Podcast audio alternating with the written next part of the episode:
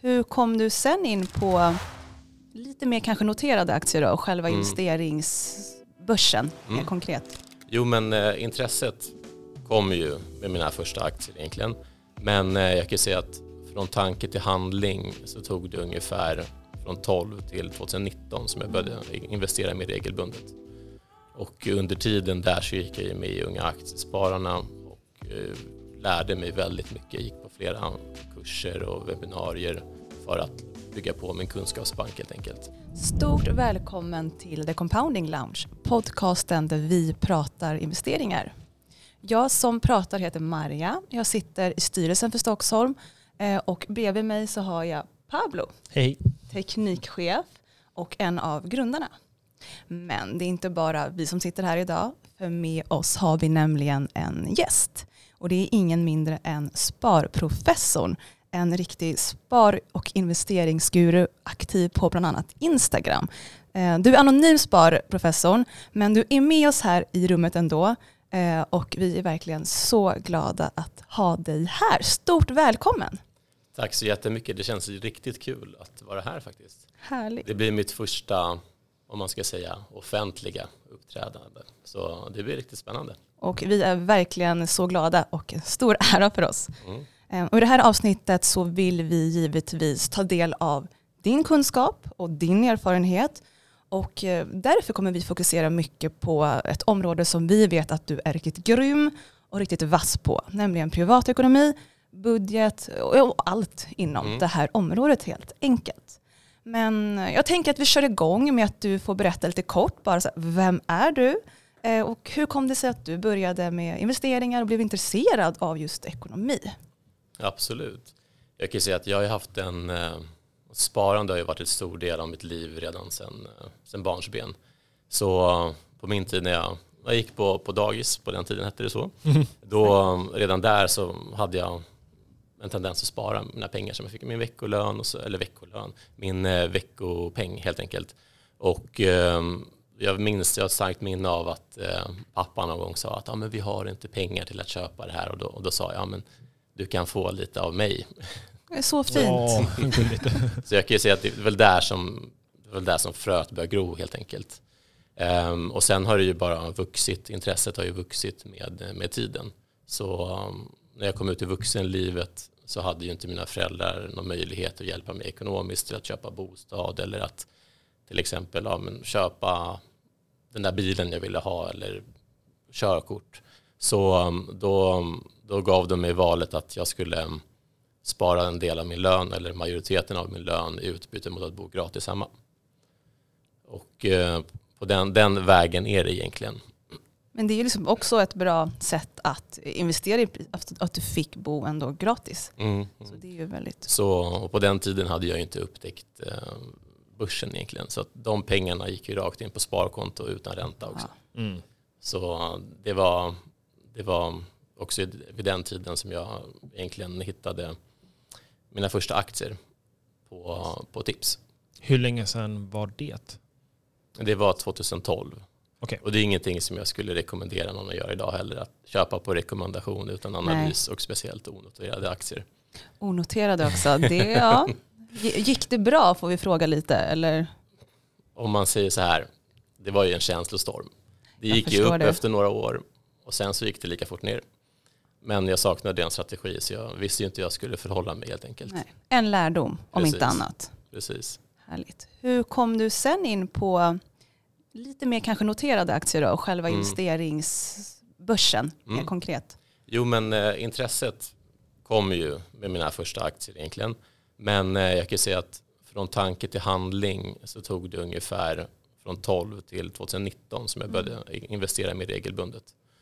Och under tiden där så gick jag med i Unga Aktiespararna och eh, lärde mig väldigt mycket. Jag gick på flera kurser och webbinarier för att bygga på min kunskapsbank helt enkelt.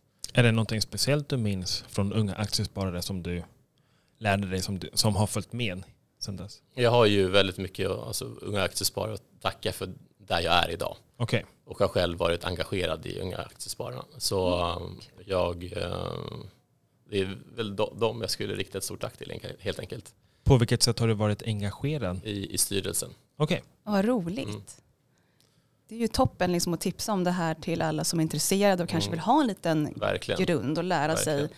Jag gissar att det kanske är mycket fundamentala liksom analys och kanske lite teknisk Precis, precis. kombination av allt helt enkelt. Det är det som är min, min uppfattning egentligen. Att vi, vi kommer ju ut i vuxenlivet med olika förutsättningar. Mm. Ja, Vissa får ju med sig väldigt mycket gratis hemifrån medan andra kanske inte får med sig någonting alls. Och där tänker jag att där kan ju de och sen dels konton som mitt inspirera. Ja, jag fick inte med mig någonting alls från mitt hem. Jag, jag, jag, när jag eh, först hörde talas om aktier, det var Ja. genom Christian, vår, en av våra andra medgrundare. Mm. Eh, Och i början var det mer att, nej men Christian, vad har du hittat på nu då? aktier, vad är det? Ja men trodde inte på det alls. Ja. Eh, För jag trodde att det bara var kostymnissar och bankmän Mm. som höll på med aktier. Kommer du ihåg ditt första köp? Ja, oh ja, Ja. det gör jag. Mm. Ehm, och det var nervöst och eh, jag minns att jag eh, skrev i vår Facebook-chatt, eh, eller det kanske inte hette Facebook, Facebook-chatt då, men vår, vår chattgrupp som jag hade med Levi och Christian. Jag har köpt så här många till det här priset. Och så gjorde jag så här, samma sak med de kanske kommande 20-30 köpen. Och Christian bara, men nu, nu får ni sluta. jag bryr mig inte om vad ni har köpt. Ja, vad roligt. Kul bakgrundshistoria. Ja, förlåt. Mm. Nej men det var roligt, men jag själv har faktiskt haft ja, lite, jag har varit ganska ekonomiskt lagd, precis som du har varit Ja. själva personligheten. Jag sparade alltså alltid när jag var Mm. liten. Jag samlade på pengar, sparade min veckopeng Mm, mm. eh, och lånade ut till min mamma som säger, åh nej nu har jag, det, jag kan inte ta ut liksom, pengar på kortet, kan, Ja. Maja kan du låna ut lite här? Men jag kanske inte var lika generös som du, jag tog 10% ränta per dag. Wow. Så det gjorde jag. Ja, Det är inspirerande. det kanske jag skulle gjort också. Eller hur? Eller hur? Nej, men man har det med sig på något Ja. vis. Så, ja, jättekul att höra lite bakgrund, bakgrundshistoria Mm, om, mm. om dig. Eh, men du är ju väldigt aktiv på Instagram. När började du med det kontot? Det satte jag igång med precis innan pandemin blev officiell. Innan? Så, ja, och jag gick ju rätt tungt in på börsen i mitten på februari. Den kan vara tuff. Så det var ju en känslostorm när det väl dippade. Men min trygghet låg i min, min teoretiska kompetens om man säger så. Eh, för det, det är mycket jag tror, jag tror mycket på att man ska läsa på och verkligen veta vad man ska ge sig in på. Sen behöver man ju också ha erfarenheten. Mm. Man behöver ju både och. har man båda, då, då är det, det är ett vinnande koncept enligt mig. Absolut. Man behöver vara med om det. Man behöver ha känslorna med sig. Att bara paper trading eller pappershandla liksom, ger inte samma trygghet. Sen för att svara på din fråga helt enkelt så ja, men det, det var väl drygt två år sedan Mm. och det är ett beslut som jag verkligen inte ångrar. För det var också som med investeringar att man, man behöver ju läsa på innan man ger sig in i någonting. För min, eh, min, mitt mantra brukar vara hur svårt kan det vara? Mm. Och det, har, det har kostat mig väldigt mycket tid i många fall. Ja. Men det är ju tid som jag är väldigt glad över.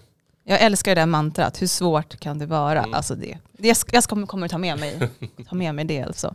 Ja. Men du jobbar, eh, du jobbar inte med Instagram på heltid, eller hur? Utan du jobbar även med andra saker. Det stämmer. det måste Ja. vara tufft. Ja, alltså det, det kan jag säga att det, det krävs ju väldigt mycket planerande. Mm. Och det, det tar ju mycket tid från, ja, men, alltså från, från min sambo och min familj. Men om man hittar, alltså ju mer man håller på med någonting, ju mer lär man sig också och ju mer går det på per automatik. Absolut. Så man får ju, om man själv är intresserad av att driva något liknande konto så får man ju räkna med att det, det, det, det kommer ta tid. Ja, det är en uppstartsfas. Jag har själv varit aktiv Mm. med Instagram och Mm. i början så är det mycket hårt arbete men efter ett tag så liksom kan man luta sig tillbaka lite grann och leva på det man också har, liksom har byggt upp. Precis, Så exakt det är så. en skön tanke. Men då får du lite olika intäktsströmmar då gissar jag. Så du, är det någonting du rekommenderar att kanske ha flera intäkter? Det, det, det, det rekommenderar jag starkt för det, det är någonting om man nu ska man ska säga så här, man bygger en förmögenhet över tid så om man har en enda inkomst så kan det ta längre tid men säg att du lägger till ett, en till inkomst Mm. eller tar bort vissa utgifter Mm. så kan du nå dina mål snabbare. Just Så det. det skulle jag verkligen rekommendera. Och en trygghet om inte annat också. Verkligen. Att Verkligen. skulle en försvinna lite grann eller man blir sjukskriven eller ja, vad som helst Mm. så finns det en liksom liten backup oavsett om det är Instagram eller om man har utdelningar Mm. som intäktsström. Precis, precis. Ja, Jag tänkte bara fråga, hur många i familjen eller i i din närhet vet att du är den personen bakom Sparprofessorn? Det är eh, mina närmsta vänner och min familj vet det. Okej. Så de, de, de har koll på det. Ja. Men sen har jag ju fortfarande kollegor som jag diskuterar mycket aktier och sparande med. Men som jag inte har avslöjat vem, vem jag vad är. Nej. Helt enkelt. Gud vad spännande. Men vi pratade lite om, du nämnde liksom ett mål, att man nog kan nå snabbare till ett mål. Mm. Har du själv något mål som, som du arbetar mot idag? Jag har ju det här FIRE, Free, Freedom, Independence, Retire Early. Yes. Där eh, man, eh, alltså man går i förtidspension och ska kunna leva på, på sin avkastning. Men min tanke är alltid att jag ska bygga upp flera inkomstkällor för att nå den här friheten. Och det kan jag göra både genom hyresintäkter och genom börsen. Ja, så tänker jag också lite passiva inkomster, att man får det, inte bara på börsen utan ja, kanske fastigheter. Precis, så det, det blir ju väldigt passivt. Min, min, I och med att tiden är ju ganska dyrbar Ja, så vill man helst inte ha för många projekt samtidigt. nej, Och då är det ju bra om man försöker hitta något, någon strategi som passar för en, för en själv helt enkelt. precis. För jag har sett på Instagram, jag har sett på Instagram att du har köpt ett nytt hus eller ett fritidsboende. Har du planer att hyra ut den och på så sätt få in en ny inkomstkälla? Eller? Mm, så jag, jag har ju, huset är ju uppbyggt på två, två våningsplan så det är två separata lägenheter, heter, lägenheter helt enkelt. Okej. Och eh, där är tanken att det ena ska vara för semester och andra är för uthyrning. Mm. Så mitt mål egentligen är ju bara att jag ska få driften på huset gratis. Mm. Eh, och sen kanske någon, någon liten fickpeng. Eh, så att, eh, och sen har jag plan också att jag ska köpa en lägenhet i Budapest också. Okej. Så jag var och kollade lite, lite lägenheter nu under min vistelse där. Mm. Men det, det, det, det kan jag uppdatera mina följare om Ja. vid ett senare tillfälle. Vad spännande, det här med fastigheter och få intäkter därifrån tycker jag är verkligen fascinerande. Jag är inte själv där, men jag tycker det är väldigt intressant uh, att höra om. Men jag vill du, minnas att, ursäkta att Nej, jag avbryter dig. Jag vill minnas att du hade en bra strategi, eller en, hur, du ska nå ditt resesparande. Just Skulle du det. kunna berätta om det? Absolut. Ehm, Jag, jag har inte rest så mycket alls senaste åren, lite på grund av pandemin förstås, men också för att småbarnslivet, det är så här, jag orkar inte ta tag i det också. Men då tänker vi att om två år så ska vi göra en lite större resa, liksom under en längre period, hela familjen. Eh, Och då tänker jag att jag har ingen lust, det, det kostar ju pengar helt enkelt. Och jag menar, det, pengar är dyrbart. Eh, så jag har lagt in 20 000 på ett konto här för några månader sedan och tänker att jag ska trada upp det här till 50 000 för att liksom täcka i alla fall halva delen av, kanske halva delen av resekostnaden. Och liksom, vem vet hur det kommer att gå? Eller, okay, förmodligen tror jag, jag tror på mig själv, så jag är uppe kanske i 30 000 nu. Eh, och det känns väldigt eh, bra för att det känns som själva riktiga kostnaden är mycket mindre. Jag har ju bara Mm. gått in med 20 000, men den har tradats upp till en mycket större summa. kör du samma strategi på det 20 000-kontot som Mitt du vanliga. Ja. Eh, ja, det, Det gör jag, fast jag är mycket mer, eftersom det är ett separat konto så är jag ganska oaktiv tyvärr. Det Mm. blir typ en till två trades i månaden. Och Mm. det, jag borde bli aktivare, men jag fokuserar på min, liksom min vardagliga trading. Men strategin är samma, men jag borde bli lite aktivare helt enkelt. Men jag har ändå kommit, jag kommit typ lika, samma procentuella vinst i år är, är de samma på de båda. Det är så det bra. har ju gått bra. Det kanske är Verkligen. ett tecken på att du kanske kan bli mindre aktiv och Det svåra är att det lilla kontot, eh, det är lättare tycker jag att uppnå större procentuell vinst på ett mindre konto. Mm. Mitt riktiga stora tradingkonto behöver jag vara mer aktiv på för att det är mer pengar. Mm, mm. Så det, det är lite där problemet ligger. Eller Ja. problem och problem, det är så det ser ut. Liksom. lyxproblem. Ja, verkligen. Det är bara mer fakta. Men eh, jag följer ju dig på Instagram, Ja. Sparprofessorn, och jag älskar ju din, eh, dina inlägg om budgeteringar liksom, och dina utfall. Du är väldigt så konkret och Mm. bjussar, väldigt generös i vad du bjuder, mer, bjuder på. Eh, vill du berätta lite om eh, så här, ditt upplägg? Hur, hur kör du din budget? Är det någon mall? Har du gjort den själv? Jag har ju gjort en, eh, en mall. eh, Där ska min sambo ha cred. Hon är redovisningsekonom så hon har Ah. hjälpt mig med Excel-mallen väldigt mycket. Eh, Så att där har jag egentligen, alltså, den bygger ju på inkomster och så utgifterna och sen har du ju dina rörliga utgifter också. Och självklart sparandet. Mm. Så den mallen räknar ju också ut automatiskt ja, men vilken investeringskvot du har, vilken konsumtionskvot du har och framförallt vilken sparkvot. Mm. Och Just där eh, just sparkvoten är ju då allt sparande. Så att allt som du lägger på börsen, om du har ett resesparande eller om du har ett buffertsparande. Amorteringar i sig och allt sånt Am- där. Amorteringar också, men där råder det lite delad uppfattning om det är sparande eller om det är en kostnad. Mm. Enligt mig är det ett sparande i alla fall. Ja, det är ändå liksom en investering som inte är konstig. Det är en avbetalning. Det, ja, jag håller nog med Mm. dig där, Mm. tror jag.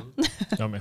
Ja, och just kring buffert vet jag att du hade en att du och jag tänker väldigt lika kring hur, Ja. hur vi gör om vi lånar därifrån. Skulle Ja. du vilja berätta om det? Ja, vi har, eh, eller vi, nej, jo, jag och Liv och Christian, när vi startade det företaget så behövde vi ha en budget och allting vi gör finns, alltså, alla beslut vi tar är datadrivna så det är Mm. också väldigt naturligt för oss att allting ska finnas i ett Excel-ark. Eh, Så vi gjorde en budget och eh, den använde jag också personligen. Mm. Eh, ja, Jag använde inte företagets budget personligen men samma typ av mall eh, när vi gör vår ekonomi privat. Eh, Och vi har gjort en egen mall som vi har laddat upp på vår hemsida Mm. där man kan kopiera den från Google Sheets och sen så kan man lägga in sina inkomster och Mm. utgifter och så ser man hur mycket pengar man har kvar Mhm. att röra sig på. Men din mall, finns den någonstans? Finns den på Instagram som dina följare kan ta Yes. del av? Det gör den? Jag har ju den i min profil bland highlights. Okej. Jag har skickat ut den till drygt 7000 personer redan. Så det, Oj, oj, det kommer oj. ett utskick varje vecka. Så ibland drar jag den i händelser. Det är ett Google-formulär helt enkelt. Så, så skickar jag ut right. till, till följarna. Inte dåligt, 7000. Wow, snyggt. Ja, det, det måste vi länka till. Mm, absolut, Ja. absolut. Det, det gör vi sen. Alltså den, den är väldigt uppskattad. Ja. Så den, eh, den vet jag att många använder, av, använder sig av. Kanske jag får ditcha den vi har och bara köra copy-paste på din istället. Snor den. Absolut. Men du pratade om buffert också, eller hur? Eller var det du nämnde om att ni också har lite lika buffert? Precis, så om vi, om vi lånar från bufferten så betalar vi först av den innan vi... Just det, ja, men, ja för det pratade vi om eh, precis innan vi började podda. Mm. Men eh, exakt, ehm, som vi ser på det i hemmet så har vi ett eh, sparkonto utan ränta och varenda krona över det, låt säga att vi har ett mål på 150 000, varenda krona utöver det hamnar då i våra Stockholm-portföljer där vi ja, köper och säljer aktier. Mm. Och, eh, men om vi måste eh, göra en ny investering i hemmet, nu måste vi installera en ny FTX ventilationssystem och eh, bara det kommer kosta 100 000 kronor. Mm. Ja, det är mycket. Mm. Ja, hårt. Eh, så är det att ha hus. Ja. Men eh, då innan vi tillåter oss att investera mer pengar i börsen, då måste vi först fylla upp vårt sparkonto, vår buffert, tillbaka till ursprungsläget. Innan vi får eh, ja, investera mer i börsen. Och ehm, ja, det är så vi ser på det. Mm. Men gör ni också så? Ja, Likadant? men jag, jag delar den, den synen också att man behöver bygga upp bufferten till samma som det var innan ja. och sen så kan man fokusera mer på investeringarna. Ja. Det, det är ändå en trygghet man behöver. Har ni någon buffert? Eh, ja, ehm, jag, jag har ju mitt tradingkonto och ja, det är som min buffert för att de, då är ju inte pengarna, de, majoriteten av pengarna där är inte inlagda i aktier. Mm. Och därför kan jag ta ut dem hur mycket jag vill utan att det påverkar tradingen eller liksom innehaven. Mm. Eh, Så därför har jag faktiskt det som en eh, buffert.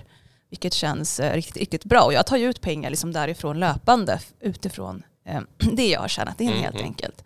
Så det är en jättetrygghet och min trading genererar ju väldigt stabil avkastning. Mm. Vilket gör att, ja, att jag kan se det som en, en buffert och ja, en kombin- kombinerat konto helt enkelt. En personlig fråga, eh, Yes. men din man Arthur, har han en egen buffert eller plockar han också ut pengar från ditt tradingkonto? Nej, han, han får ha sin egna buffert. Ja. Nej men vi har, vi eh, har separata liksom. Eh, Jag tror väldigt mycket på att jag vill ha mycket, lite mitt eget också. Jag tycker inte om att dela för mycket på saker. Det räcker med barnen. Det Dela räcker barnen. med barnen. Eh, Så liksom de intäkterna vi får, vi betalar liksom procentuellt räkningar och sånt Ja. där. Eh, Och sen så har vi vårt separata sparande. Mm. Han sparar ju via Stockholm i princip till 95 procent allting där. Mm. Eh, Så det är som en trygghet och jag Mm. sparar också en stor del i min, mitt Stockholmskonto. Mm. Liksom. Eh, Så det är så det, det ser ut och vi trivs, vi är väldigt lika så vi trivs Mm. väldigt bra med det här, med det här upplägget. Mm. Men ni, del, ni verkar dela allt du Pablo. Ja. Ja. Och ni, Ja, vi delar också alla gemensamma utgifter och så, 50-50 och sen har vi vår, våra egna alltså nöjespengar och eh, våra egna utgifter som, utifrån våra egna tycken. skönt. Som bara, bara det funkar, det är det som Mm. är det viktiga. Det svåra är väl när det cla- clashar. Precis, precis. Ja. helt, helt enkelt. Ehm, men det börjar bli dags att avrunda lite. Mm. Jag tänker fråga dig Sparprofessorn om du har några tips till kanske folk där ute som eh, inte har kommit igång riktigt med investeringar eller vill ta tag i sina investeringar eller sparande, privatekonomi lite, lite mer. Har du några tips liksom hur man kan komma igång eller så? Ja, men just kring sparande, där skulle jag vilja att det- finns en stor kraft i att spara på tråkiga utgifter. Mm. Framförallt, ja, men säg om du har tio streamingtjänster, behöver du alla? Kollar du på alla? Har du ett gymkort, nyttjar du verkligen det? Har du ett abonnemang som du betalar 500-600 kronor på när du kan ha ett för 100 kronor? Eh, Men för att komma igång med investeringar så skulle jag säga att ja, men kom igång med, med små, små belopp, sprid riskerna och eh, bygg på dig erfarenhet och framförallt kunskap. Väldigt kloka ord. Eh, Och jag tror att med de väldigt bra orden så får vi avsluta det här avsnittet. Stort, stort tack eh, till dig främst Sparprofessorn och till eh, dig som har lyssnat på The Compounding Lounge. Tack så jättemycket för att jag fick vara här. Tack för att Det du kom. var riktigt kul. Underbart.